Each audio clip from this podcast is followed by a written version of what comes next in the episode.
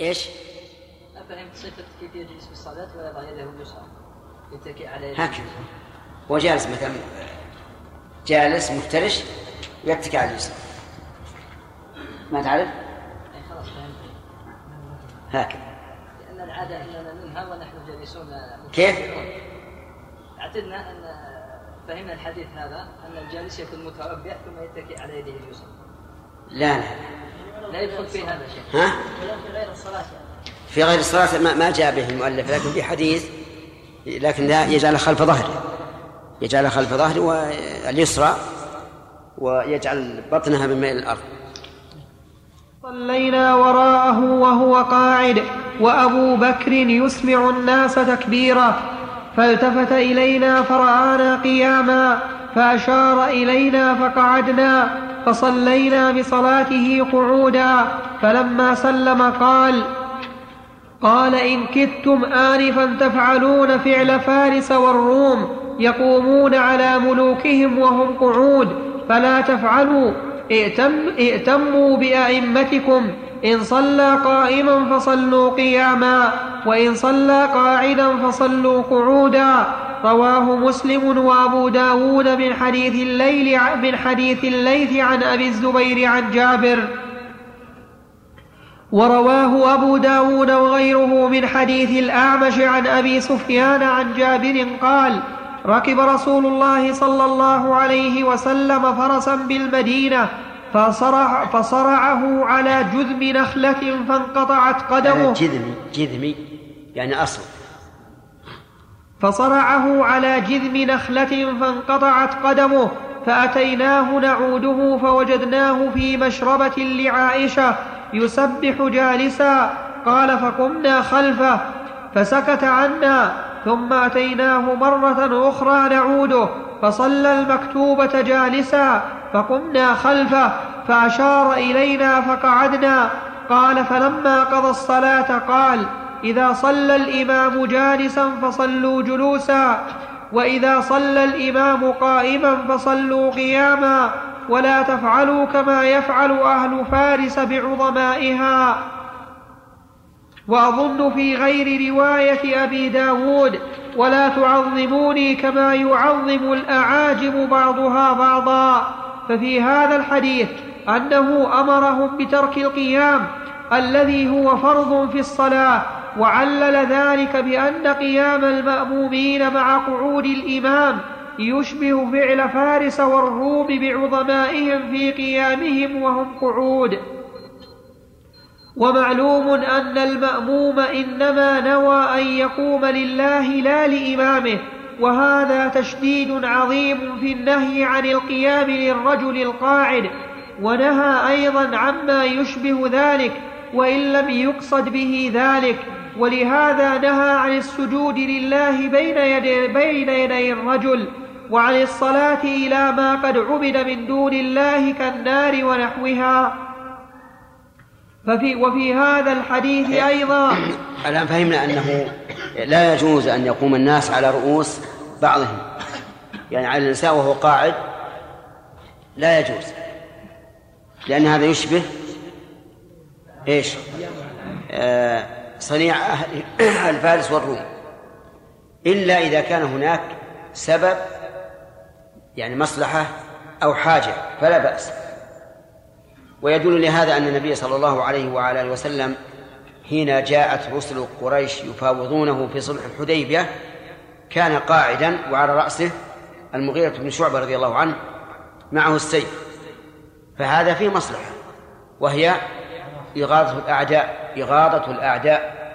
وبيان أن الصحابة كانوا يعظمون النبي صلى الله عليه وعلى آله وسلم. ولهذا فعلوا معه في هذه الحال فعلا لا يفعلونه في العادة.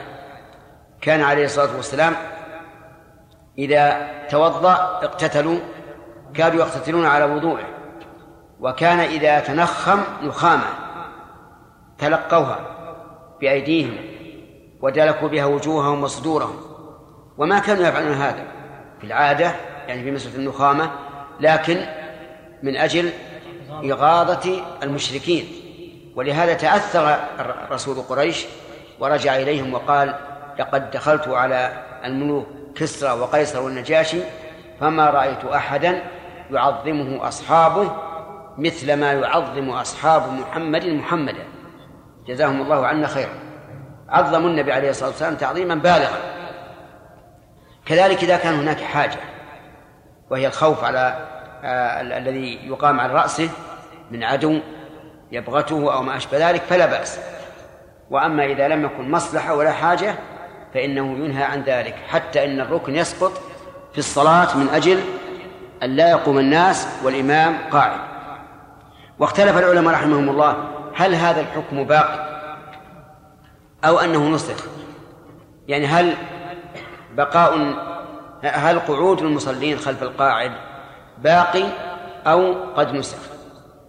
والصواب أنه باقي. والقول بأنه منسوخ ضعيف.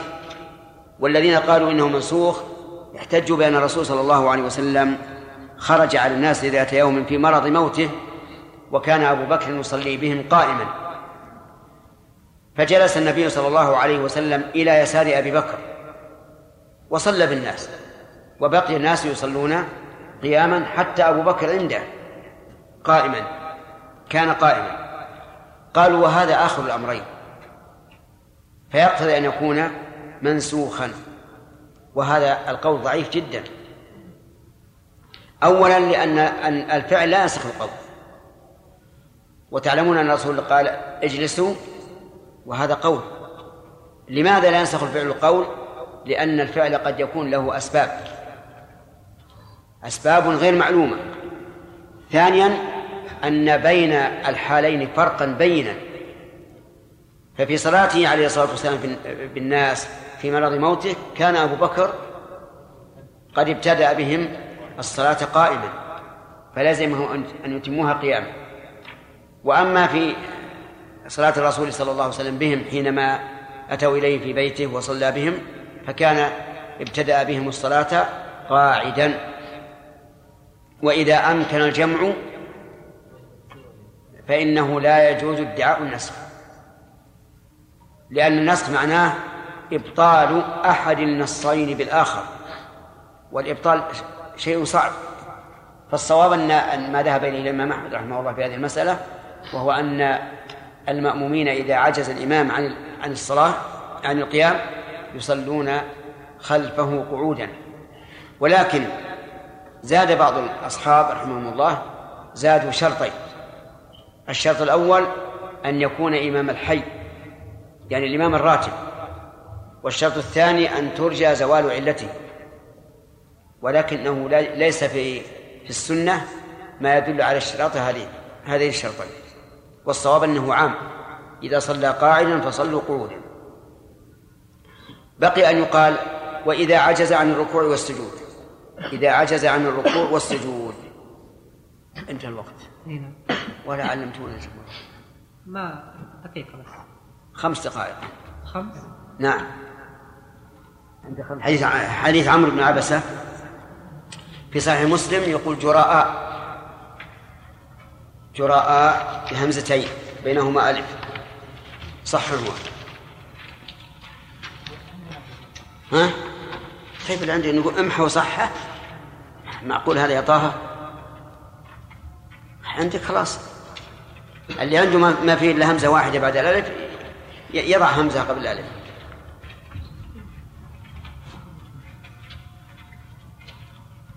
والمد أحسن الله إليك. نزيله.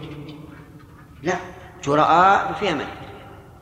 يعني همزة بعد الراء وبعدها ألف وبعدها, ألف وبعدها همزة. بسم الله الرحمن الرحيم. الحمد لله رب العالمين. وصلى الله وسلم وبارك على أشرف الأنبياء والمرسلين نبينا محمد وعلى آله وأصحابه أجمعين. أما بعد فقد قال شيخ الإسلام ابن تيمية رحمه الله تعالى في كتاب اقتضاء الصراط المستقيم. وفي هذا الحديث أيضا نهي عن نهى عما يشبه فعل فارس والروم وإن كانت نيتنا غير نيتهم لقوله فلا تفعلوا فهل بعد هذا في النهي عن مشابهتهم في مجرد الصورة غاية؟ ثم هذا الحديث سواء كان محكما في قعود في قعود الإمام أو منسوخا فإن الحجة منه قائمة. نعم. إيه صح المأموم. أنا عندي الإمام أحسن الله إليك. لا المأموم. تصحيح.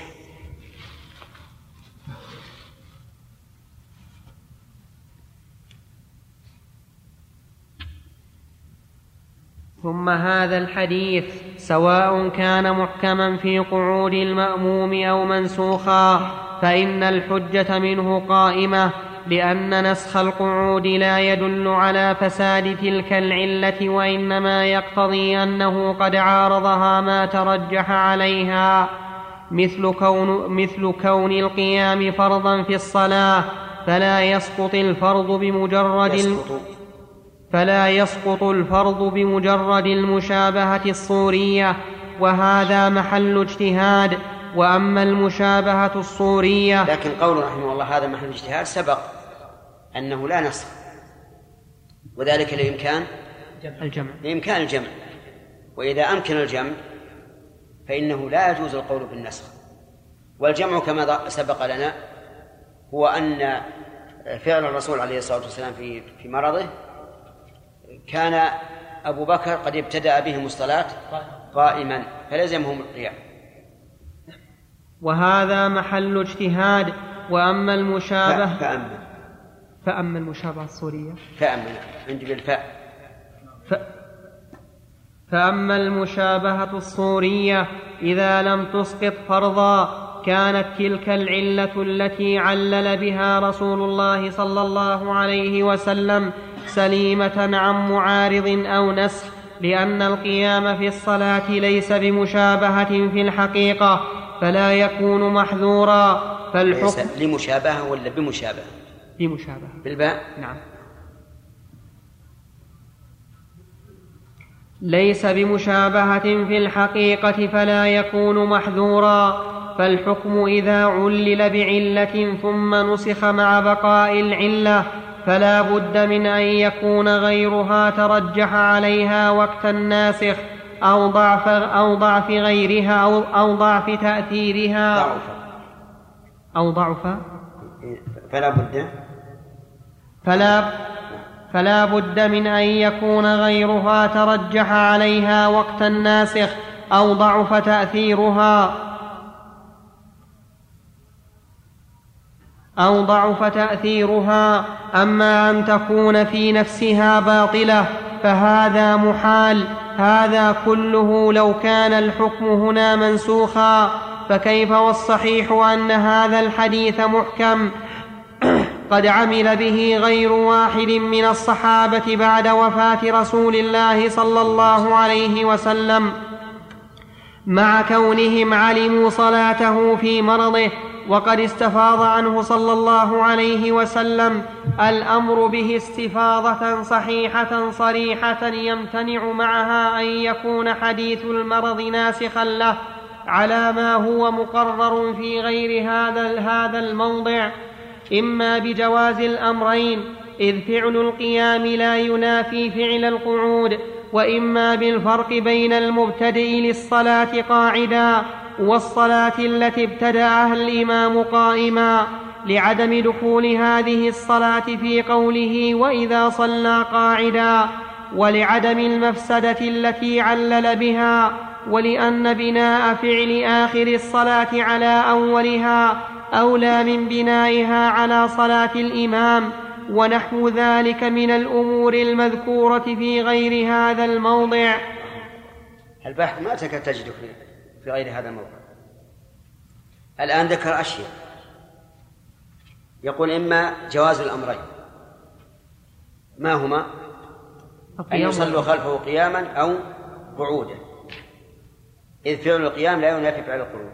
وإما الفرق بين المبتدئ بالصلاة قاعدا والصلاة التي ابتدأها الإمام قائما. وهذا هو الذي ذهب إليه الإمام أحمد رحمه الله. لماذا؟ صار صار الفرق؟ يقول لعدم دخول هذه الصلاة في قوله إذا صلى قاعدا. إذا صلى قاعدا الإمام الآن ما صلى قاعدا. صلى أولا قائما ثم ثانيا قاعدا. فيبقى المأموم على قيامه. ولعدم المفسدة التي علل بها وهي مشابهة الأعاجم في قيامهم على ملوكهم. لأن هؤلاء ما قاموا على على الإمام. كانوا بالأول مساوين للإمام ليسوا قائمين عليه. ولهذا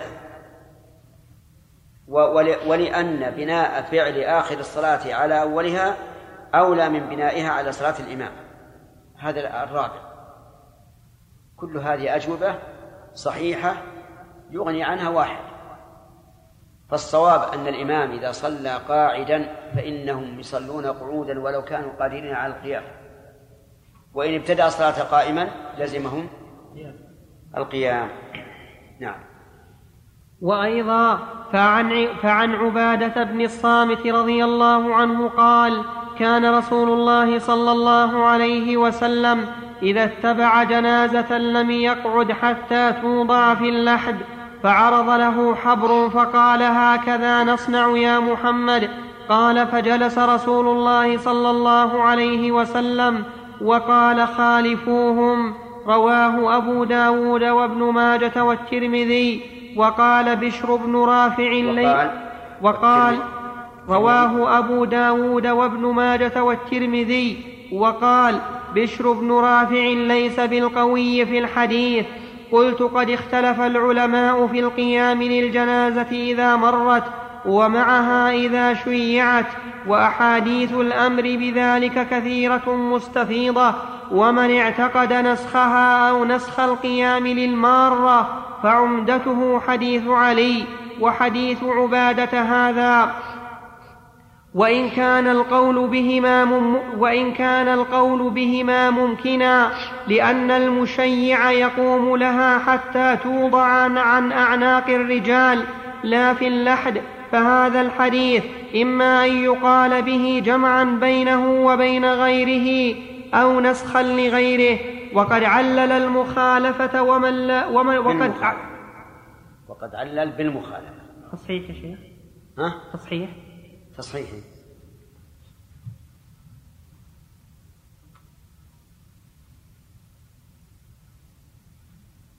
نعم. وقد علل بالمخالفة ومن لا يقول به يضاعفه وذلك لا يقدح في الاستشهاد به والاعتضاد على جنس المخالفة. وقد روى البخاري عن عبد الرحمن بن القاسم أن القاسم كان يمشي بين يدي الجنازة ولا يقوم لها ويخبر عن عائشة قالت كان أهل الجاهلية يقومون لها يقولون إذا رأوها كنت في أهلك ما كنت مرتين فقد استدل من كره القيام بأنه كان من فعل الجاهلية و... نعم من كره. طرق. طرق. ترك أنا عندي نسخة للج... يعني للجنازة. فقد استدل من كره القيام للجنازة. لكن عندك كره. كره. والله عندنا أحسن. كره أحسن. فقد استدل من كره القيام بأنه كان من فعل الجاهلية وليس الغرض هنا الكلام في عين هذه المسألة. وأيضا عن ابن عباس رضي الله عنهما قال قال رسول الله صلى الله عليه وسلم اللحد لنا والشق لغيرنا رواه أهل السنن الأربعة. وعن جرير بن عبد الله رضي الله عنه قال قال رسول الله صلى الله عليه وسلم اللحد لنا والشق لغيرنا رواه أحمد وابن ماجه. وفي رواية لأحمد والشق لأهل الكتاب وهو مروي من طرق فيها لين لكن يصدق بعضها بعضا. وفيه التنبيه على مخالفتنا لأهل الكتاب حتى في وضع الميت في أسفل القبر. عندنا في موضع الميت. على كل حال اللحد والشق بينهما فرق. اللحد في جانب القبر. والشق في وسطه. واللحد أفضل والشق جائز عند الحاجة لأنه أحيانا تكون الأرض رملية تحتاج إلى شق يشق في بطن القبر ويوضع لبنات حتى تمنع من تهافت الرمل ثم يوضع الميت بين اللبن. وأيضا وأيضا عن عبد الله بن مسعود رضي الله عنه قال قال رسول الله صلى الله عليه وسلم ليس منا من ضرب بالنسبة بالنسبة للقيام بالجنازة إذا مرت الصحيح أنه سنة. الصحيح أنه سنة. لأن النبي صلى الله عليه وسلم قال حتى مرت به جنازة يهودي فقام لها وقال أليست نفسا؟ لكن تركه القيام فيما بعد لبيان الجواز. لأنه إذا لم ينص على النهي عن القيام فإن فعله لما أمر به أولا يدل على أنه ليس للوجوب ولكنه للاستحباب. وأيضا عن عبد الله بن مسعود رضي الله عنه قال قال رسول الله صلى الله عليه وسلم ليس منا من ضرب الخدود وشق الجيوب. ودعا بدعوى الجاهلية متفق عليه ودعوى الجاهلية ندب الميت. وتكون دعوى الجاهلية في العصبية ومنه قوله فيما رواه أحمد عن أبي بن كعب قال قال رسول الله صلى الله عليه وسلم من تعزى بعزاء الجاهلية فأعضوه بهن أبيه فأعضوه بهن أبيه دون باء بلا باء. عندي نسخة فأعضوه هنا أبيه اللي عندنا. أي لكن وش أقرأ؟ ماشي من تعزى بعزاء الجاهلية فأعضوه بهن أبيه ولا تكنوا. وأيضا عن أبي مالك الأشعري رضي الله عنه أن النبي صلى الله عليه وسلم هذا ليس منا من ضرب الخدود وشق الجيوب بدعوى الجاهلية هذا عند المصيبة. لأنهم في الجاهلية يفعلون هذا. يضرب خده ويشق جيبه ويدعو بالويل والثبور وربما ينتف شعره وربما آه، يجرح شيئا من بدنه. المهم أنهم يظهرون أن أنهم كارهون لهذه لقضاء الله وقدره. فالرسول تبرأ منه وأما من تعزى بعزاء الجاهلية فهو يشمل من دعا دعوة عصبية. ومنه الفخر بالإحسان. يقول أعض أعضوه بهن أبيه أو هن أبيه يعني ذكره. كأني نقول له أم عض ذكر أبيك. إشارة إلى أنه من أين خرج؟ ها؟ من الذكر من مجرى البول. فكيف يتعزى بعزاء الجاهلية؟ كيف يفتخر بنفسه؟ كيف يفتخر بحسبه؟ نعم. فيقول الرسول لا تكن يعني يقولوا بلفظ صريح.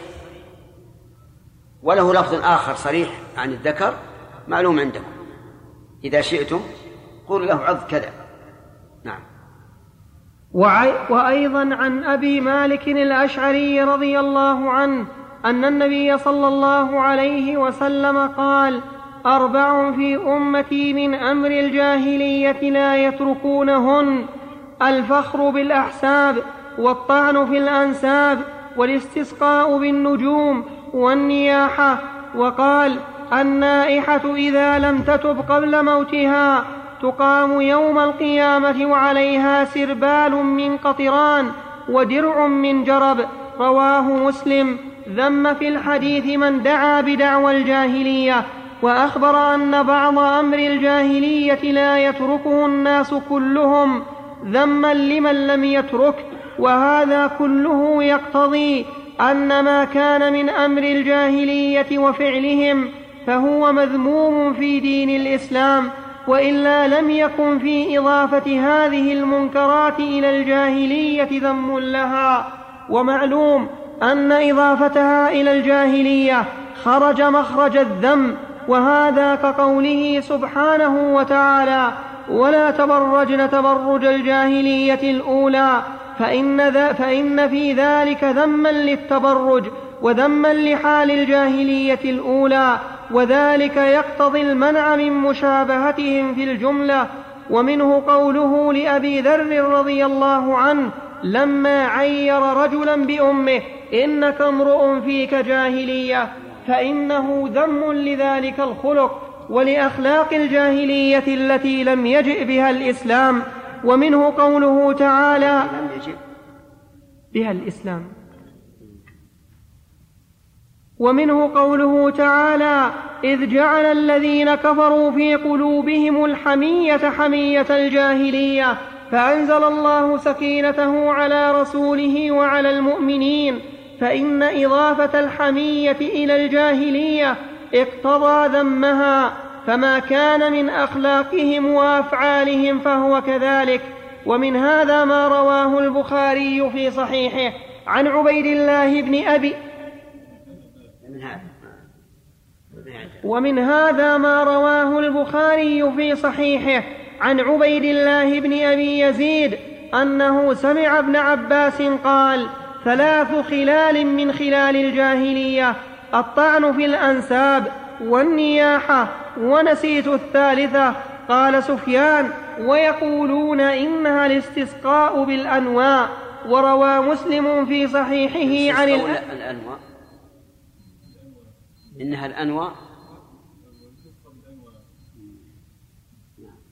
وروى مسلم في صحيحه عن الأعمش عن أبي صالح عن أبي هريرة رضي الله عنه قال قال رسول الله صلى الله عليه وسلم إثنتان في الناس هما بهم كفر الطعن في النسب والنياحة على الميت فقوله هما بهم كفر أي هاتان الخصلتان هما كفر قائم بالناس فنفس الخصلتين كفر حيث, حيث كانتا من أعمال الكفار وهما قائمتان بالناس لكن ليس كل من قام به شعبة من شعب الكفر يصير كافرا.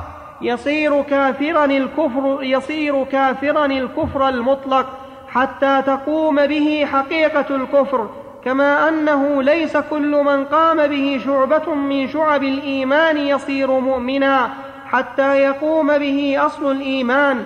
وفرق بين الكفر المعرف باللام كما في قوله صلى الله عليه وسلم ليس بين العبد وبين الكفر أو الشرك إلا ترك الصلاة وبين كفر منكر في الإثبات وفرق أيضا بين معنى بين معنى الاسم هذا واضح أن الشيخ يرى أن تارك الصلاة كافر الكفر المطلق لأنه قال أن هناك فرق بين كفر منكر وكفر معرف وهذا يعني كفر تارك الصلاة من تدبر النصوص تبين له أنه الحق وإن خالف فيه من خالف. وأن تارك الصلاة ولو كان كسلا كافر خارج عن الملة مرتد عن الإسلام. يؤمر بالتوبة فإن تاب وإلا قتل. وحمله على أن المراد من ترك ذلك آه، جحدا لوجوبها تحريف للكلمة عن مواضعه لأنه ترك ما دل عليه النص وأثبت ما لم يدل عليه النص. النص يقول من تركه ما قال من جحد فرضها. ثم إن الإنسان إذا جحد فرضها وهو يصلي كل وقت فهو كافر. كافر ما يحتاج إلى ترك. فكوننا نحرف الكلمة عن مواضعه بناء على ما اعتقدنا هذا غلط. وتصرف في الشر الواجب إبقاء دلالة النصوص على ظاهرها والحاكم بين الناس هو الله عز وجل فإذا جاءت جاء الكتاب أو السنة مبينا لحكم من الأحكام فليس لنا أن أن نحرفه بأهوائنا. نعم. وفرق أيضا بين معنى الاسم. المطلق. لا يا نعم. وفرق أيضا بين معنى الاسم المطلق إذا قيل كافر أو مؤمن وبين المعنى المطلق للاسم في جميع موارده. كما في قوله لا ترجعوا بعدي كفارا يضرب بعضكم رقاب بعض فقوله يضرب بعضكم رقاب بعض تفسير الكفار في هذا الموضع وهؤلاء يسمون تفسير الكفار في هذا الموضع. يعني تفسير كفارا. أنا الغريب أنه عندي يقول تفسير الكفار وأشار في الحاشية يقول في داء الكف في دال الكفار. فنفس الشيء يعني ما أتى بجديد. ها شلون؟ أقول ذكر عندي في النص تفسير الكفر تفسير الكفار. وذكر في الحاشية يقول في نسخة دال الكفار. ولا فرق بين الموجود في الحاشية والموجود في المتن. الآن على كلامك المتن؟ المتن تفسير الكفار. أي أي والحاشية؟ الكفار. ال نعم. كلهم كلاهما ال فيها ال كلاهما. لعله يقصد بعدكم لعله يقصد بعدكم ها؟ اللي عندي أنا تفسير كفارا. وهذا هو الصحيح. لأن هذا يريد أن يأتي بالكلمة على لفظها. حكاية. نعم؟ تفسير الكفار؟ للكفار؟ ما يخالف ماشي. المعنى صحيح. لكن أنا عندي نسخة ثانية تفسير كفارا. انتهى الوقت يا شيخ. انتهى جاء وقت السؤال. ها؟ وقت السؤال. ما في سؤال. وقت التافك في كتاب اقتضاء الصراط المستقيم. وفرق أيضا بين معنى وفرق. وفرق أيضا بين معنى الاسم المطلق إذا قيل كافر أو مؤمن وبين المعنى المطلق للاسم في جميع موارده كما في قوله لا ترجعوا بعدي كفارا. يضرب بعضكم رقاب بعض فقوله يضرب بعضكم رقاب بعض تفسير الكفار في هذا الموضع وهؤلاء يسمون كفارا تسمية مقيدة ولا يدخلون في الاسم المطلق. إذا قيل معنى تسمية معنى تسمية مقيدة حسب تقليد الرسول عليه الصلاة والسلام. يعني كفارا في ضرب بعضكم رقاب بعض لأنه لا أحد يضرب رقبة المؤمن إلا الكافر. فلا فلا يعطون آه، الاسم المطلق في الكفر ولا يسلبون مطلق الاسم. كما لا ينفع عنهم الإيمان الذي هو مطلق الإيمان ولا يعطون اسم الإيمان المطلق. نعم. ولا يدخلون في الاسم المطلق إذا قيل كافر ومؤمن. كما أن قوله تعالى من ماء دافق سمى المني ماء تسمية مقيدة ولم يدخل في الاسم المطلق حيث قال فلم تجدوا ماء فتيمموا. ومن هذا الباب ما أخرجاه في الصحيحين عن عمرو بن دينار. مثال هذا في الحقيقة؟ فرض بعيد. نعم. ما حد يعرف أن لم تجدوا ماء يعني إناء من المني. لكن هذا على فرق لكن ممكن أن نمثل بمثال قريب بأن يقول والله لا أمس ماء. والله لا أمس ماء ثم مس منيا. هل يحنث؟ ليش؟ لأنه لأن هذا وإن كان وإن سمي ماء لكنه ماء مقيد. ماء دافق يخرج من بين الصلب والترائب. فلو فرض أن أحدا قال والله لا أمس ماء ثم مس منيا فإنه لا يحدث لأن هذا لا لا ليس ماء مطلقا بل هو مطلق ماء هنا. ومن هذا الباب ما أخرجاه في الصحيحين عن عمرو بن دينار عن جابر بن عبد الله قال غزونا مع رسول الله صلى الله عليه وسلم وقد ثاب معه ناس من المهاجرين حتى كثروا وكان من المهاجرين رجل لعاب فكسع أنصاريا. ثاب بمعنى؟ كيف؟ ثاب يعني رجع؟ اجتمع, اجتمع. نعم. وكان من المهاجرين رجل لعاب فكسع أنصاريا فغضب الأنصاري غضبا شديدا حتى تداعوا وقال الأنصاري يا للأنصار. يا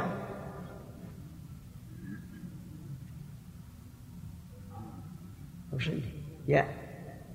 للأنصار. للأنصار. نعم.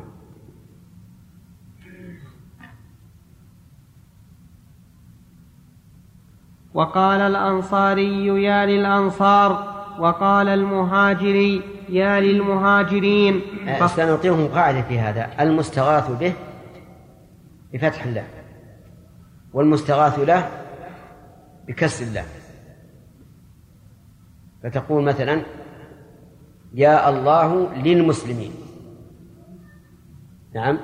فهنا يا يا, يا للمهاجرين هل هو استغاث للمهاجرين أو استغاث بالمهاجرين؟ بالمهاجرين. ها؟ لهم ولا بهم؟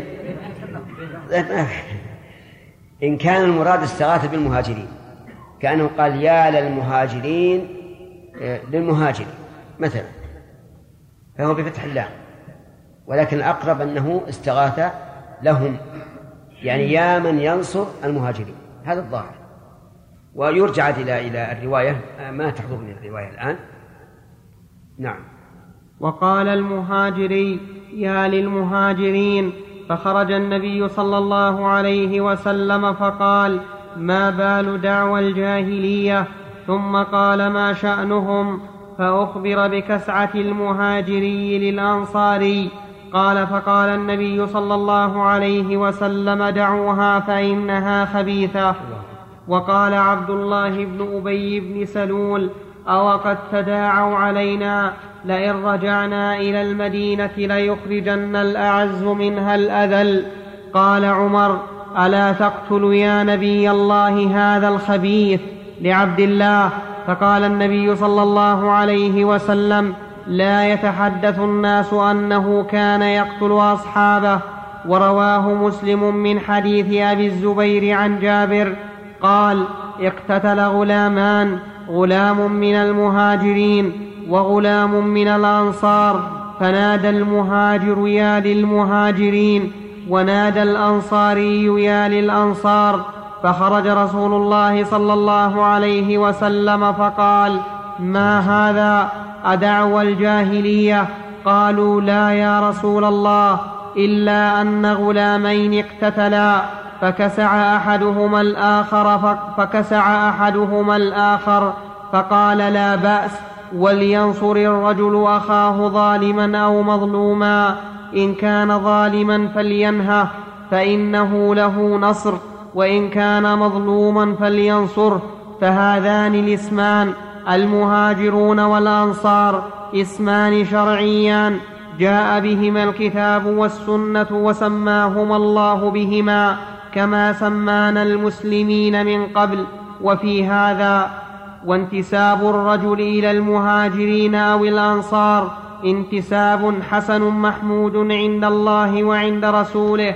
ليس من المباح الذي يقصد به التعريف فقط كالانتساب إلى القبائل والأمصار ولا من المكروه أو المحرم كالانتساب إلى ما يفضي إلى بدعة أو معصية أخرى. ثم مع هذا لما دعا كل منهما طائفته منتصرا بها أنكر النبي صلى الله عليه وسلم ذلك. وسماها هذا يدل على أنه يا للمهاجرين. لأنه قال منتصرا بها فيكون مستغاثا به. نعم؟ فتح اللام. إيه، هذا يبينها كلام الشيخ. ثم مع هذا لما دعا كل منهما طائفته منتصرا بها أنكر النبي صلى الله عليه وسلم ذلك وسماها دعوى الجاهلية حتى قيل له إن الداعي بها إنما هما غلامان لم يصدر ذلك من الجماعة فأمر بمنع الظالم وإعانة المظلوم ليبين النبي, ليبين النبي صلى الله عليه وسلم أن المحذور إنما هو تعصب الرجل لطائفته مطلقا فعل فعل أهل الجاهلية. فأما عندكم فعل مرتين؟ لا مرة واحدة. فعل. إنما هو ليبين النبي صلى الله عليه وسلم أن المحذور إنما هو تعصب الرجل لطائفته مطلقا فعل أهل الجاهلية. فأما نصرها بالحق من غير عدوان فحسن واجب أو مستحب. ومثل هذا ما روى أبو داود وابن ماجة عن واثلة بن الأسقع رضي الله عنه قال قلت يا رسول الله ما العصبية؟ قال أن تعين قومك على الظلم. وعن سراقة بن مالك بن جعشم المدلجي قال خطبنا رسول الله صلى الله عليه وسلم فقال خيركم المدافع عن عشيرته ما لم يأثم رواه أبو داود وروى أيضا عن جبير بن مطعم أن رسول الله صلى الله عليه وسلم قال ليس منا من دعا إلى عصبية وليس منا من قاتل على عصبية وليس منا من مات على عصبية وروى أيضا عن ابن مسعود عن النبي صلى الله عليه وسلم قال من نصر قومه على غير الحق فهو كالبعير الذي ردي فهو ينزع بذنبه فإذا كان هذا التد... البعير الذي تردى. عندي نسخة. تردى. يقول في جيم ودال وطاء تردى. معناها تردى أحسن. فإذا كان هذا التداعي في هذه الأسماء وهذا الانتساب الذي يحبه الله ورسوله فكيف بالتعصب مطلقا والتداعي للنسب والإضافات التي هي إما مباحة أو مكروهة؟ وذلك أن الانتساب إلى, إلى, الاسم الشرعي أحسن من الانتساب إلى غيره. ألا ترى ما رواه أبو داود من حديث محمد بن إسحاق عن داود عن من حديث محمد بن إسحاق عن داود بن الحصين عن عبد الرحمن بن أبي عقبة عن أبي عقبة وكان مولا من أهل فارس. قال شهدت مع رسول الله صلى الله عليه وسلم أحدا فضربت رجلا من المشركين فقلت خذها وأنا الغلام الفارسي. فالتفت إلي فقال هلا قلت خذها مني وأنا الغلام الأنصاري. حظه رسول الله صلى الله عليه وسلم على الانتساب إلى الأنصار وإن كان بالولاء وكان إظهار هذا أحب إليه من الانتساب إلى فارس بالصراحة وهي نسبة حق ليست محرمة ويشبه والله أعلم أن يكون من حكمة ذلك. أن النفس تحامي عن الجهة التي تنتسب إليها فإذا كان ذلك لله كان خيرا للمرء. فقد دلت هذه الأحاديث على أن إضافة الأمر إلى الجاهلية يقتضي ذمه والنهي عنه وذلك يقتضي المنع من أمور الجاهلية مطلقا وهو المطلوب في هذا الكتاب. ومثل هذا ما روى سعيد بن أبي سعيد عن أبيه؟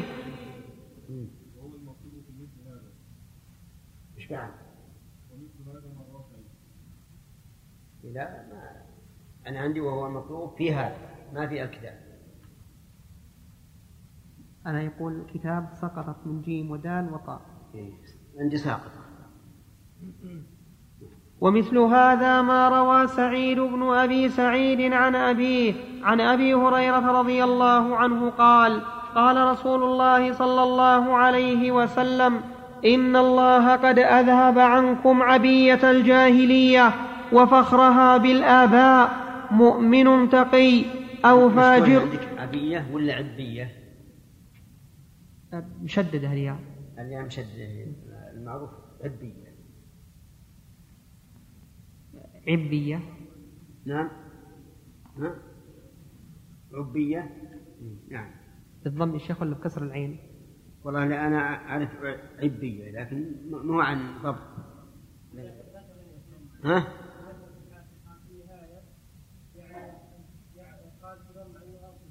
إيش؟ نعم. طيب. إذا فيها لغتان. عبية وعبية. إن الله قد أذهب عنكم عبية الجاهلية وفخرها بالآباء. مؤمن تقي أو فاجر شقي. أنتم بنو آدم وآدم من تراب. ليدعن, ليدعن رجال فخرهم بأقوام. إنما هم فحم من فحم جهنم. أو ليكونن أهون على الله من الجعلان. التي تدفع بأنفها النتن. رواه أبو داود وغيره وهو صحيح. فأضاف العبية والفخر إلى الجاهلية. يذمها بذلك وذلك يقتضي ذمها بكونها مضافة إلى الجاهلية. وذلك يقتضي ذم الأمور المضافة إلى الجاهلية. ومثله ما روى مسلم في صحيحه عن أبي قيس. زياد بن رباح عن أبي هريرة رضي الله عنه عن النبي صلى الله عليه وسلم أنه قال من خرج من الطاعة وفارق الجماعة فمات مات ميتة جاهلية ومن قاتل, ومن قاتل تحت راية علمية يغضب لعصبية أو يدعو إلى عصبية أو ينصر عصبية فقتل فقتله جاهلية. ومن خرج على أمتي يضرب برها وفاجرها ولا يتحاشى من مؤمنها ولا يفي لذي عهد عهده فليس مني ولست منه. ذكر صلى الله عليه و... ولا يفي لذي عهد. لذي عهدها. لذي عهد عندي يقول آه، في باء وجيم ودال والمطبوعة لذي عهدها. وفي مسلم كما أثبته من ألف وطاء. يقول. عمياء يقول في المطبوعة. نعم. والصحيح ما أثبته كما في مسلم. نعم. ولا يفي لذي عهد عهده فليس مني ولست منه ذكر صلى الله عليه وسلم في هذا الحديث الأقسام الثلاثة التي يعقد لها الفقهاء باب قتال التي يعقد لها الفقهاء باب قتال أهل القبلة من البغاة والعداة وأهل العصبية. فالقسم الأول الخارجون عن طاعة السلطان فنهى عن نفس الخروج عن الطاعة والجماعة وبين أنه إن مات ولا طاعة عليه مات ميتة جاهلية فإن أهل الجاهلية من العرب ونحوهم لم يكونوا يطيعون أميرا عاما. على, هو على ما هو معروف من سيرتهم ثم ذكر الذي يقاتل تعصبا لقومه أو أهل بلده أو نحو ذلك وسمى الراية عمية لأنه الأمر الأعمى الذي لا يدرى وجهه فكذلك قتال العصبية يكون من غير علم بجواز قتال هذا. نعم. نعم. يكون عن غير علم بجواز قتال هذا وجعل قتلة المقتول قتلة جاهلية سواء غضب بقلبه أو دعا بلسانه أو ضرب بيده. وقد فسر ذلك فيما رواه مسلم أيضا. عن أبي هريرة رضي الله عنه قال قال رسول الله صلى الله عليه وسلم ليأتين على الناس زمان لا يدري القاتل في أي شيء قتل ولا يدري المقتول على أي شيء قتل. فقيل كيف يكون ذلك؟ قال الهرج القاتل والمقتول في النار.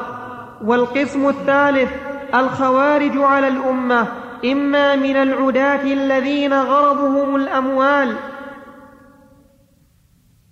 وقت السؤال يا شيخ. نعم. جاوب السؤال. جاوب السؤال. نعم قول النبي صلى الله عليه وسلم ان أنه يموت ميتة الجاهلية. يعني معناه يموت على ميتة أهل الجهل.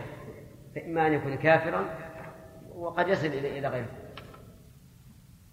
المهم أنه مات على غير على غير علم بل على جهل وعصبية.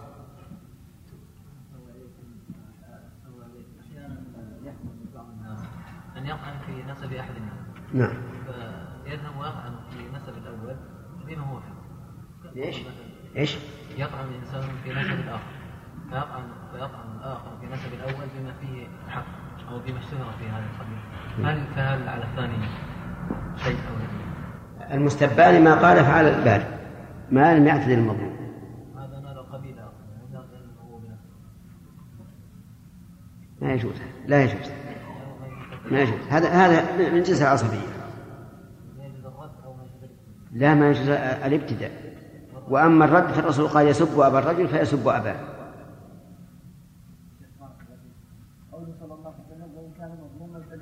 نعم. أحيانا هذا يحدث اشتباك بالايدي مثلا ولا يمكن أن ينصر إلا إذا اعتدى أو دافع بالضرب لي- لي- ليوقف الآخر. نعم.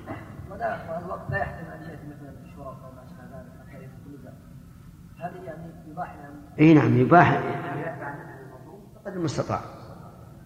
سواء بالضرب ولا بالدف مثلا إذا كان قوي. كان قويا يمكن يدف. حسب الحالة. نعم. واصل. واصل. ما انتهى القسم الثالث الخوارج على الأمة إما من العداة الذين غرضهم الأموال كقطاع الطرق ونحوهم. أو غرضهم الرئاسة كمن يقتل أهل المصر الذين هم تحت حكم غيره مطلقا وإن لم يكونوا مقاتلة. وإما من الخارجين عن السنة الذين يستحلون دماء أهل القبلة مطلقا كالحرورية الذين قتلهم علي رضي الله عنه. ثم؟ قاتلهم؟ عندنا قتلهم. نعم. نسخة. نسخة. أنا أشوفها نسخة. ما وجدت عندي يعني اجعلها نسخة لأنها هو قاتلهم ثم في النهاية قتلهم. تجعل نسخة.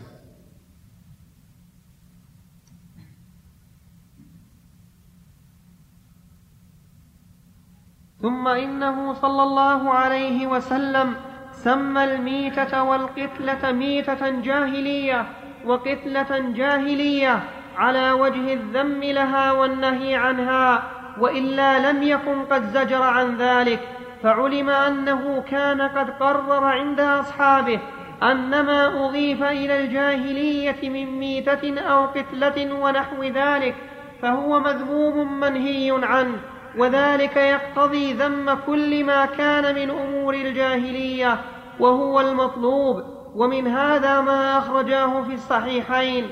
عن المعرور بن سويد قال قال رأيت أبا ذر عليه حلة وعلى غلامه مثلها فسألته عن ذلك فذكر أنه ساب رجلا على عهد رسول الله صلى الله عليه وسلم فعيره بأمه فأتى الرجل النبي صلى الله عليه وسلم فذكر ذلك له فقال له النبي صلى الله عليه وسلم إنك امرؤ فيك جاهلية.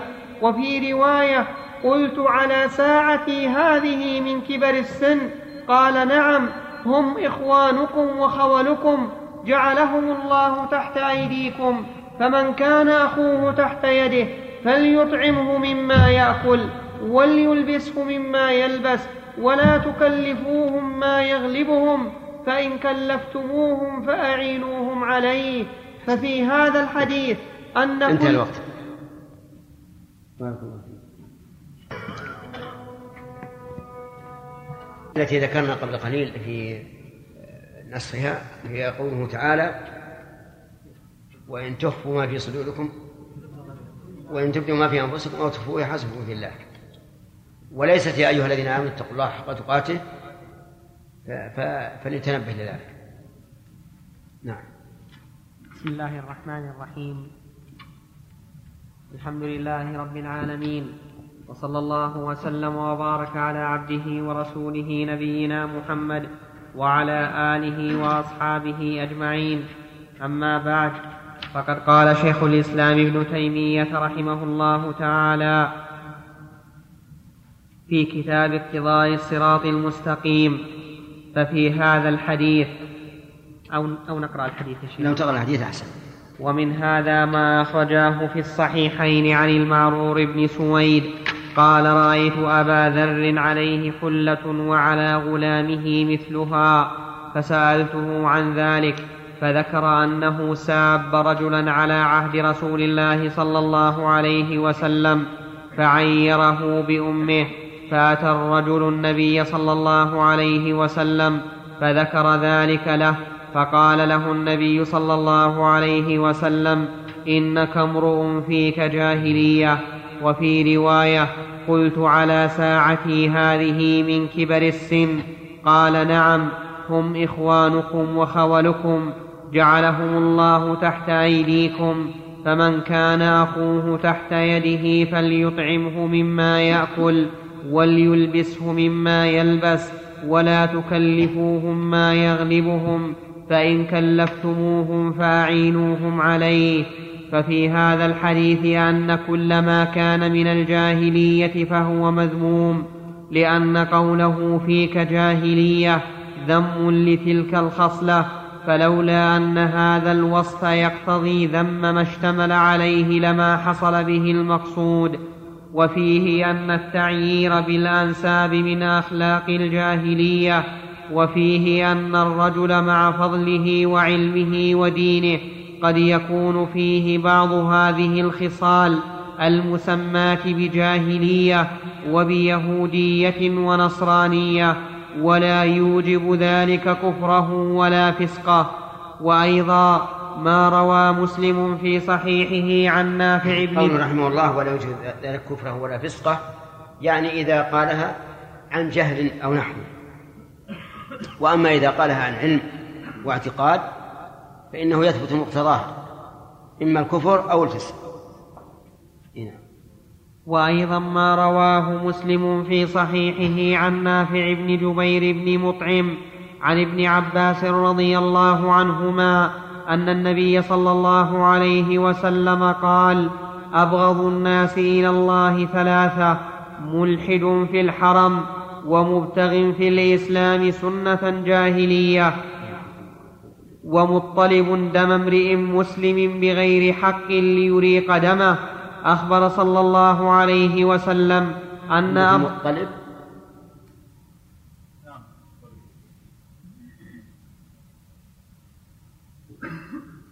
قد من الباء على اللام عندي هنا. أخبر صلى الله عليه وسلم أن أبغض الناس إلى الله هؤلاء الثلاثة وذلك لأن الفساد إما في الدين وإما في الدنيا فأعظم فساد الدنيا قتل النفوس بغير الحق ولهذا كان أكبر الكبائر ب... وله... أخبر. ولهذا كان أكبر الكبائر بعد أعظم فساد الدين الذي هو الكفر. وأما فساد الدين فنوعان نوع يتعلق بالعمل ونوع يتعلق بمحل العمل.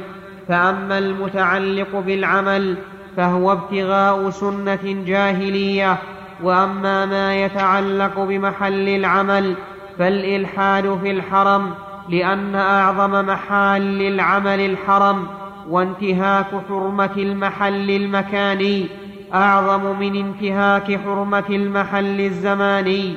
ولهذا حرم من من ولهذا حرم من تناول المباحات ومن الصيد والنبات في البلد الحرام. من من الصيد.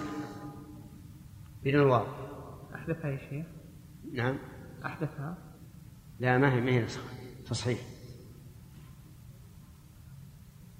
ولهذا حرم من تناول المباحات من الصيد والنبات في البلد الحرام ما لم يحرم مثله في الشهر الحرام. ولهذا كان الصحيح أن حرمة القتال في البلد الحرام باقية كما دلت عليه النصوص الصحيحة بخلاف الشهر الحرام. فلهذا والله أعلم ذكر صلى الله عليه وسلم الإلحاد في الحرم وابتغاء سنة جاهليه والمقصود أن من هؤلاء الثلاثة من ابتغى في الإسلام سنة جاهلية فسواء قيل متبع أو مبتغ فإن الابتغاء هو الطلب والإرادة فكل من أراد في الإسلام أن يعمل بشيء من سنن الجاهلية دخل في الحديث. والسنة الجاهلية كل عادة كانوا وكل من أراد. فكل من أراد في الإسلام أن يعمل بشيء من سنن الجاهلية دخل في الحديث. عندنا شيء. شيئا؟ شيء يمكن الآن مو بشكل عندي. عندي فكل من أراد في الإسلام سنة جاهلية أن يعمل أو أن نعم أن يعمل بشيء. اللي عندي زائدة من أراد في الإسلام سنة جاهلية ها؟ ها؟ فقه. وين فيه؟ إيه، فإن فإن الابتداء هو المطلوب.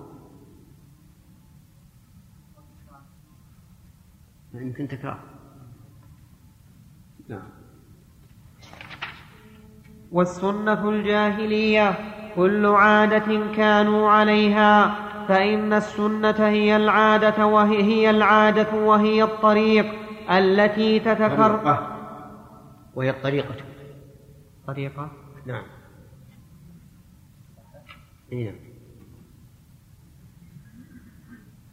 فإن السنة هي العادة وهي الطريقة التي تتكرر لنوع الناس مما يعدونه عبادة أو لا يعدونه عبادة.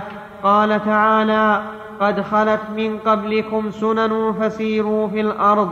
وقال النبي صلى الله عليه وسلم لتتبعن سنن من كان قبلكم والاتباع هو الاقتفاء والاستنان. فمن عمل بشيء من سننهم فقد اتبع سنة جاهلية. وهذا نص عام يوجب تحريم متابعة كل شيء من سنن الجاهلية. كان. لشيء كان. في شيء؟ ها؟ نسخة الظاهر ما أشار إليها؟ لا.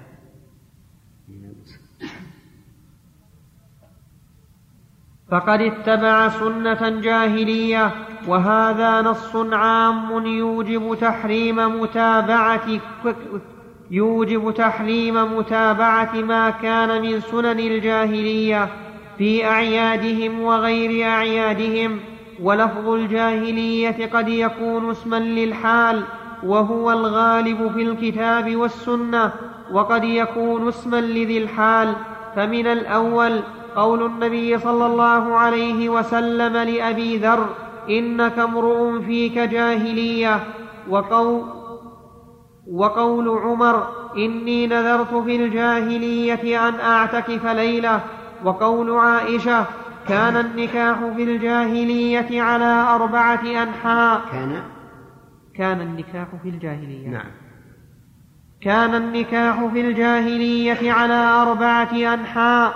وقولهم يا رسول الله كنا في جاهلية وشر أي في حال جاهلية أو طريقة جاهلية أو عادة جاهلية ونحو ذلك. فإن الجاهلية وإن كانت في الأصل صفة لكنه غلب عليه الاستعمال حتى صار اسما ومعناه قريب من معنى المصدر. وأما الثاني فتقول طائفة فتقول طائفة جاهلية وشاعر جاهلي وذلك نسبة إلى الجهل الذي هو عدم العلم أو عدم اتباع العلم فإن من لم يعلم الحق فهو جاهل جهلا بسيطا فإن اعتقد خلافه فهو جاهل جهلا مركبا فإن قال خلاف الحق عالما بالحق أو غير عالم فهو جاهل أيضا كما قال تعالى وإذا خاطبهم الجاهلون قالوا سلاما. وقال النبي صلى الله عليه وسلم إذا كان أحدكم صائما فلا يرفث ولا يجهل. ومن هذا قول بعض شعراء العرب ألا لا يجهلن أحد علينا فنجهل فوق جهل الجاهلين. وهذا كثير وكذلك من عمل بخلاف الحق فهو جاهل. بغير. بغير الحق. ها؟ خلاف؟ نسخة وهذا. كثير إيش؟ فلا يرفض ولا يشاء أشار إليها. قال أشار في- إليها؟ في المطبوعة فلا يرفث ولا يفسق ولا يجهل بزيادة ولا يفسق. وليست في مسلم والبخاري ولا في أبي داود. وهذا كثير وكذلك من عمل بخلاف الحق فهو جاهل وإن علم أنه مخالف للحق كما قال سبحانه إنما التوبة على الله للذين يعملون السوء بجهالة. قال أصحاب محمد صلى الله عليه وسلم كل من عمل سوءا فهو جاهل وسبب ذلك أن فهو جهالة ما أشار إليها؟ ما ما أشار إليها. ماشي. وسبب ذلك أن العلم الحقيقي الراسخ في القلب يمتنع أن يصدر معه ما يخالفه من قول أو فعل فمتى صدر خلافه فلا بد من غفلة القلب عنه. أو ضعفه أو ضعفه في القلب بمقاومة, بمقاومة ما يعارضه. وتلك أحوال تناقض حقيقة العلم فيصير جهلا بهذا الاعتبار. وتلك أحوال؟ عندك كذا؟ وتلك أحوال. وتلك أحوال تناقض حقيقة العلم فيصير جهلا بهذا الاعتبار. ومن هنا تعرف دخول الأعمال في الكلام مفهوم الكلام هذا؟ الجهل يراد به عدم العلم. ويراد به عدم اتباع العلم. فالأول بسيط. والثاني مركب. ومن ومن الثاني قوله تعالى إنما التوبة على الله الذين يعملون السوء بجهالة.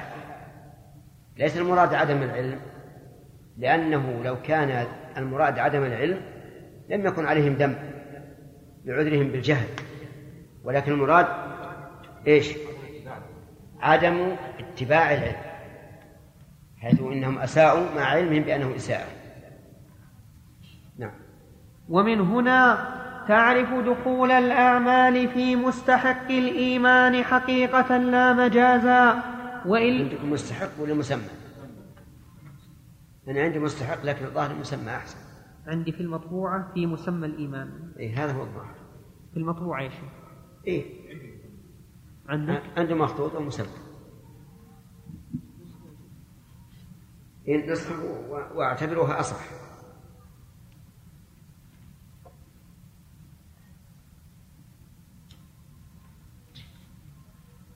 ومن هنا تعرف دخول الأعمال في مسمى الإيمان حقيقة لا مجازا وإن لم يكن كل من ترك شيئا من الأعمال كافرا ولا خارجا عن أصل مسمى الإيمان وكذلك اسم العقل ونحو ذلك من الأسماء.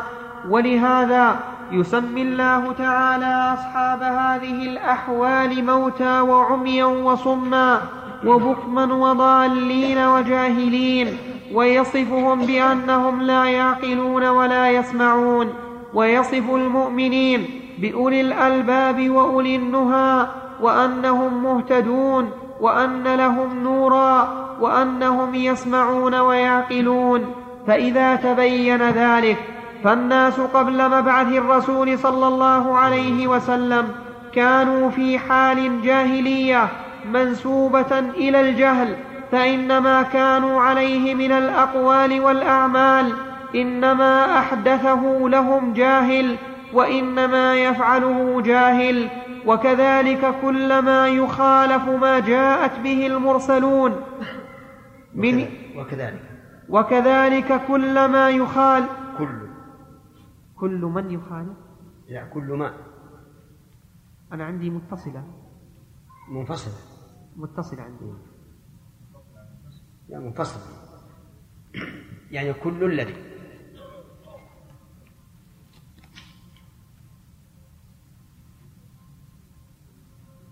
وكذلك كل ما يخالف ما جاءت به المرسلون من يهودية ونصرانية فهي جاهلية وتلك كانت الجاهلية العامة فأما بعد مبعث الرسول صلى الله عليه وسلم قد تكون في مصر دون مصر كما هي في دار الكفار وقد تكون كيف؟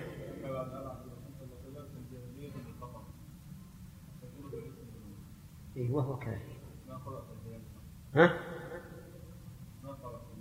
إلا قرأ أنا عندي هنا تعليق في المطبوعة وطاء فالجاهلية المطلقة قد تكون في مصر دون مصر كما هي في دار الكفار إلى آخره.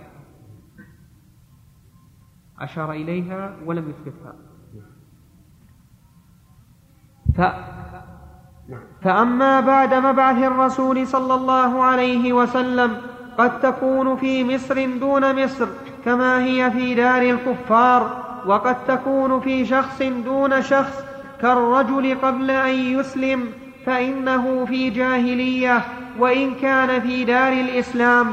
فأما في زمان مطلق فلا جاهلية بعد مبعث محمد صلى الله عليه وسلم. فإنه لا تزال من أمته طائفة ظاهرين على الحق إلى قيام الساعة. عندي ظاهرون. عندي في باء ظاهرون. والجاهلية المقيدة قد تقوم في بعض ديار المسلمين وفي كثير من الأشخاص المسلمين كما قال صلى الله عليه وسلم أربع في أمتي من أمر الجاهلية. وقال لأبي ذر إنك امرؤ فيك جاهلية ونحو ذلك. فقوله في هذا الحديث ومبتغ في الإسلام سنة جاهلية يندرج فيه كل جاهلية مطلقة أو مقيدة يهودية أو نصرانية أو مجوسية أو صابئة أو وثنية أو مركبة من ذلك أو بعضه أو منتزعة من بعض هذه الملل الجاهلية فإنها جميعها مبتدعها ومنسوخها. صارت جاهلية بمبعث محمد صلى صارت صارت. صارت جاهلية. نعم. في النصب. أي في النص ماشي. فإنها جميعها مبتدعها ومنسوخها. صارت جاهلية بمبعث محمد صلى الله عليه وسلم. وإن كان لفظ الجاهلية لا يقال غالبا إلا على حال العرب التي كانوا عليها. فإن المعنى واحد.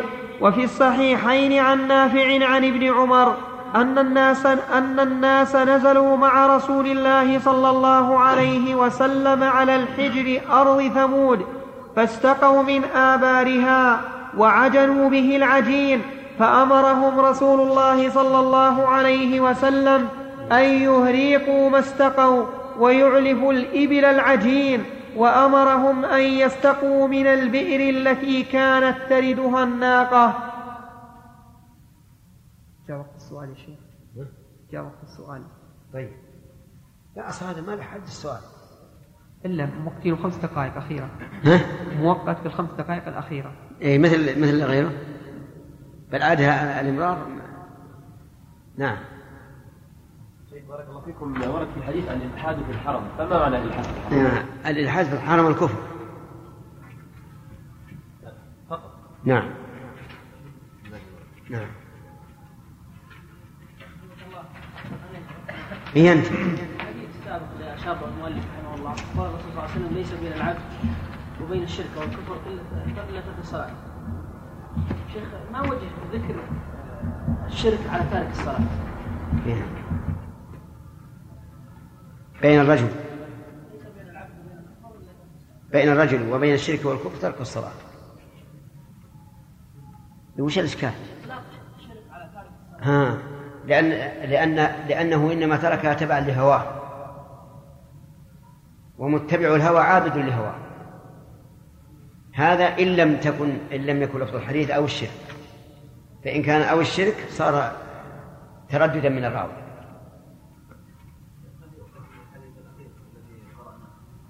بأنه يجوز إعلام البهائم التي تؤكل الشيء وإن كان فيه نجاسة ما في نجاسة وين نجاسة؟ ها؟ الآبار هذه ما هي نجسة لكن الرسول نهى عن ذلك لئلا يركن الناس إلى النزول فيها والنزول في هذه الأرض محرم حتى أن الرسول عليه الصلاة والسلام نهى أن يدخلها الإنسان إلا باكيا وقال فإن لم تكونوا باكين فلا تدخلوها. ومع الأسف الشديد الآن أن أصحاب الآثار يفخرون بها. يفخرون بها ويذهبون إليها ويقول ما شاء الله يا قوتهم يا. والرسول يقول إن لم تكونوا باكين فلا تدخلوها. فلذلك إذا لم إذا لم يكن في نفسك بكاء فلا تدخل أصلا. نعم. إيش؟ الرسول قال إن لم تكونوا باكين نعم. في كلمة دائما تشرح بين الكتاب ألا وهي قولهم أن نحن في الجاهلية جاهلية القرن العشرين. إيه. فهل كلام الشيخ هنا يدل على ذلك؟ إي نعم ما في شك. يدعو على ذلك. كل ما خ... كل ما خالف الرسول فهو جاهلية. على هذه الكلمة سابقا؟ نعم. فقلت آه، هذا الكلام لا يصح أو معنى هذا. نعم. بل أنا أحفظ؟ نعم. أنا نعم. أحفظ أنا أحفظ عكس ذلك يا شيخ منكم. وأنكم أيدتم أن هذه الكلمة هذه صحيحة وواقعة. اي نعم. وعلى كل حال القاعدة كل ما خالف الشريعة فهو جهل. وقد علمتم قبل قليل أن الجهل إما عدم العلم وإما عدم العمل. كلاهما جهل. نعم. يمكن ان تكون الجاهليه مطلقة بعد الرسول صلى الله عليه وسلم. مو مو كل الناس لا. أقول أقول هذه لا آه، لا لا. وأضافها جاهلية القرن العشرين. بعد الرسول نعم. في بعض الأماكن الآن جاهلية. في البلاد الإسلامية الآن من يعبد الأصنام ويعبد الموتى ومن يزني ويسرق أشياء كثيرة. نعم.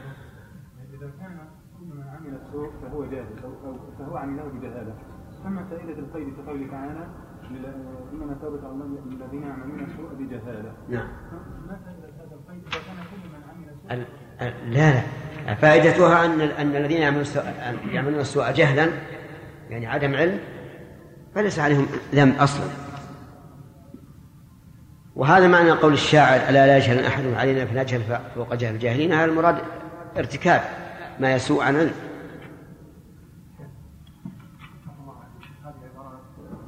أرغاف في عصر الذرة وجاهلية القرن العشرين. يريد منها أصحابها تكفير المجتمعات. إيش؟ يريد منها أصحابها إيه. تكفير المجتمعات. بدليل إيش؟ يريد منها أصحابها يعني القائلين بذلك. اي نعم. تكفير المجتمعات. تكفير؟ المجتمعات. بدليل يا شيخ أنه قد ورد في بعض كتبهم أن الذي يؤذن من على المنارة إنما يريد يردد كلمات جوفاء. لا هذا غير. هذا هو يا شيخ الواقع في هذه العبارات.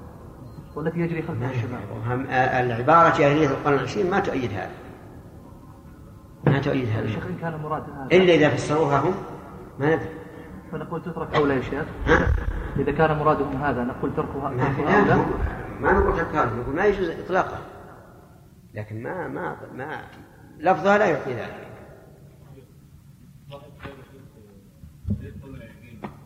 صاحب كتاب جاهلية القرن العشرين. إيش؟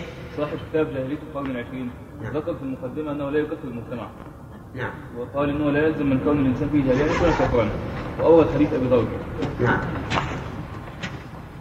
هذا يدل أنهم لا يؤمنون صحيح وأيضا ذكر بعض الفساد المهم ان هذه الكلمة لا تعطي آه، أنهم كفار. تعطي إن- انه جهل ولا شك إن الجهل موجود. بسم الله الرحمن الرحيم. الحمد لله رب العالمين. وصلى الله وسلم وبارك على عبده ورسوله نبينا محمد وعلى آله وأصحابه أجمعين. أما بعد فقد قال شيخ الإسلام ابن تيمية رحمه الله تعالى وفي الصحيحين عن نافع عن ابن عمر أن رسول الله صلى الله وفي الصحيحين عن نافع عن ابن عمر أن الناس نزلوا مع رسول الله صلى الله عليه وسلم على الحجر أرض ثمود فاستقوا من آبارها وعجنوا به العجين فأمرهم رسول الله صلى الله عليه وسلم أن يهريقوا ما استقوا ويعلفوا الإبل العجين وأمرهم أن يستقوا من البئر التي كانت تردها الناقة ورواه البخاري من حديث عبد الله بن دينار عن ابن عمر أن رسول الله صلى الله عليه وسلم لما نزل الحجر في غزوة تبوك أمرهم الا يشربوا من بئارها ولا يستقوا منها فقالوا قد عجلنا منها واستقينا فأمرهم النبي صلى الله عليه وسلم أن يطرحوا ذلك العجين ويهرقوا ذلك الماء. وفي حديث جابر عن النبي صلى الله عليه وسلم أنه قال لما مر بالحجر لا تدخلوا على هؤلاء المعذبين إلا أن تكونوا باكين فإن لم تكونوا باكين فلا تدخلوا عليهم ان يصيبكم ما أصابهم فنهى رسول الله صلى الله عليه وسلم عن الدخول إلى أماكن المعذبين إلا مع البكاء خشية أن يصيب الداخل ما أصابهم ونهى عن الانتفاع بمياههم حتى أمرهم مع حاجتهم في تلك الغزوة وهي أشد غزوة كانت على المسلمين أن يعلفوا النواضح بعجين مائهم. وكذلك أيضا روي عنه صلى الله عليه وسلم في هذا الحديث فوائد منها أنه لا يجوز الدخول على ديار الحجر إلا بهذا الشرط وهو, وهو أن يكون الإنسان الداخل باكيا فإن لم يبكي فلا يدخل ولم يقل عليه الصلاة والسلام إن لم تبكوا فتباكوا قال لا تدخلوها. خشية أن يصيبنا ما أصاب. ثانيا أن ماءها حرام. إلا بئر الناقة. ثالثا أنه يجوز أن تعلف البهائم ما كان حراما على البشر. لأن النبي صلى الله عليه وسلم أمر أن تعلف البهائم العجين. آه، رابعا حرص النبي صلى الله عليه وعلى آله وسلم على حفظ المال وعدم إضاعته وهو أن وأنه متى أمكن الانتفاع به لم يجز إتلافه. ولهذا لما حرم هذا على البشر أمر أن يعلف البهائم وهذا نوع انتفاع. وهل يجوز أن تعلف البهائم النجاسة؟ إن كانت النجاسة المختلطة بعلفها يسيرة فلا بأس. وإن كانت كثيرة فإن كانت قريبا أن تحلب أو تذبح حرم إعلافها لأن ذلك قد يؤثر على لحمها ولبنها. وإلا فلا بأس. لأن البهائم غير مكلفة. فإذا قال قائل إذا أعطيناها النجاسة ثم أردنا أن نذبحها يعني نحن أعطيناها النجاسة بناء على أن أنه لا نية عندنا لذبحها لكن طرأ علينا أن نذبحها فماذا نصنع؟ نقول تحبس وتطعم الطاهر ثلاثة أيام ثلاثة أيام ثم بعد ذلك تذبح وتؤكل وكذلك لبنها لا يشرب حتى تطعم الطاهر ثلاثة أيام. فإن قال قائل وهل مثل ذلك سقي النخل بالماء النجس أو سمدها بالسرجين النجس؟ قلنا لا. فإن أكثر العلماء على جواز سقي الثمار أي الأشجار بالماء النجس وسمدها بالسرجين النجس. وأن ثمرتها لا تنجس. هذا الذي عليه أكثر العلماء. وهذا هو الصحيح. وقد كان الناس عندنا يعملون في ذلك يعملون بذلك. فكانوا يأخذون سماد الحمير وهو أرواتها ويسمدون به الأشجار ولا يرون بذلك بأسا. لكن لو ظهرت آثار النجاسة على الثمار فهنا نقول لا تجوز لا يجوز أكلها لأنها صارت نجسة متغيرة. أما إذا استحال هذا النجس وصار طيبا وصار لا يؤثر في الثمار فلا بأس به. نعم. وكذلك أيضا روي عنه صلى الله عليه وسلم أنه نهى عن الصلاة في أماكن العذاب فروى أبو داود عن سليمان بن داود قال أخبرنا ابن وهب قال حدثني ابن لهيعة ويحيى بن أزهر عن عمار بن سعد المرادي عن أبي صالح الغفاري أن عليا رضي الله عنه مر ببابل مر ببابل وهو يسير. بابل مر ببابل وهو يسير. في البقرة. وما أنزل على الملكين؟ ببابل. مر ببابل وهو يسير. فجاءه المؤذن يؤذنه بصلاة العصر. فلما برز منها أمر المؤذن فأقام الصلاة. فلما فرغ قال إن حبي إن حبي. النبي صلى الله عليه وسلم نهاني أن أصلي في المقبرة ونهاني أن أصلي في أرض بابل فإنها ملعونة. ورواه أيضا عن أحمد بن صالح. قال عن أحمد بن صالح. نعم. قال حدثنا ابن وهب أيضا. قال أخبرني يحيى بن أزهر وابن لهيعة عن الحجاج بن شداد عن أبي صالح الغفاري عن علي بمعناه ولفظه فلما خرج منها مكان برز وقد روى الإمام أحمد في رواية, في رواية ابنه عبد الله بإسناد أوضح من هذا عن علي رضي الله عنه نحوا من هذا أنه كره الصلاة بأرض بابل أو أرض الخسف أو نحو ذلك.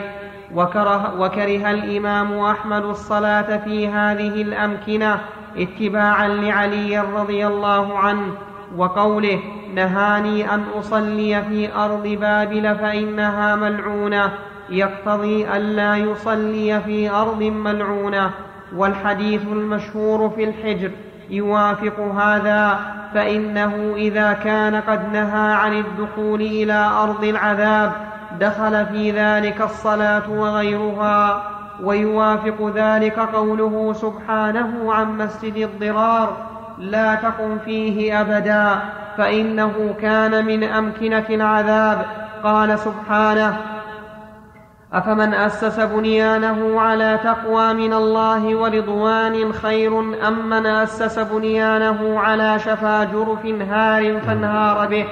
فانهار به في نار جهنم وقد روي أنه لما هدم خرج منه دخان وهذا كما أنه ندب إلى الصلاة في وهذا كما أنه ندب إلى الصلاة في أمكنة مسجد الضرار مسجد بناه المنافقون قريبا من مسجد قباء. ضرارا وكفرا وتفريقا بين المؤمنين وإرصادا لمن حارب الله ورسوله. لهم أغراض أربعة. الضرار بالمسجد بدأ به لأن مضرته ظاهر. لأنه إذا كان يصلي في المسجد مئة وبني حوله مسجد آخر ها نقصوا إلى خمسين. وإذا كانت الجهة التي فيها المسجد الثاني أكثر ربما ينقص أكثر من خمسين. فهذا ضرار قال العلماء رحمهم الله ويجب أن يهدم يعني مسجد الضرار ويكون إتلاف ماليته عقوبة على صاحب وإلا فمن الممكن أن تغير هيئته ويتخذ مخزنا أو متجرا أو ما أشبه ذلك. لكن قالوا يهدم لأنه نعم عقوبة على صاحبه. طيب هذا المسجد اتخذه المنافقون. وفي هذا إشارة إلى أن كل منافق يود أن يتفرق المؤمنون. وبذلك يجب أن نحترز من القوم الذين يشون بين المؤمنين ولا سيما بين الشباب وطلبة العلم ليفرقوا جمعه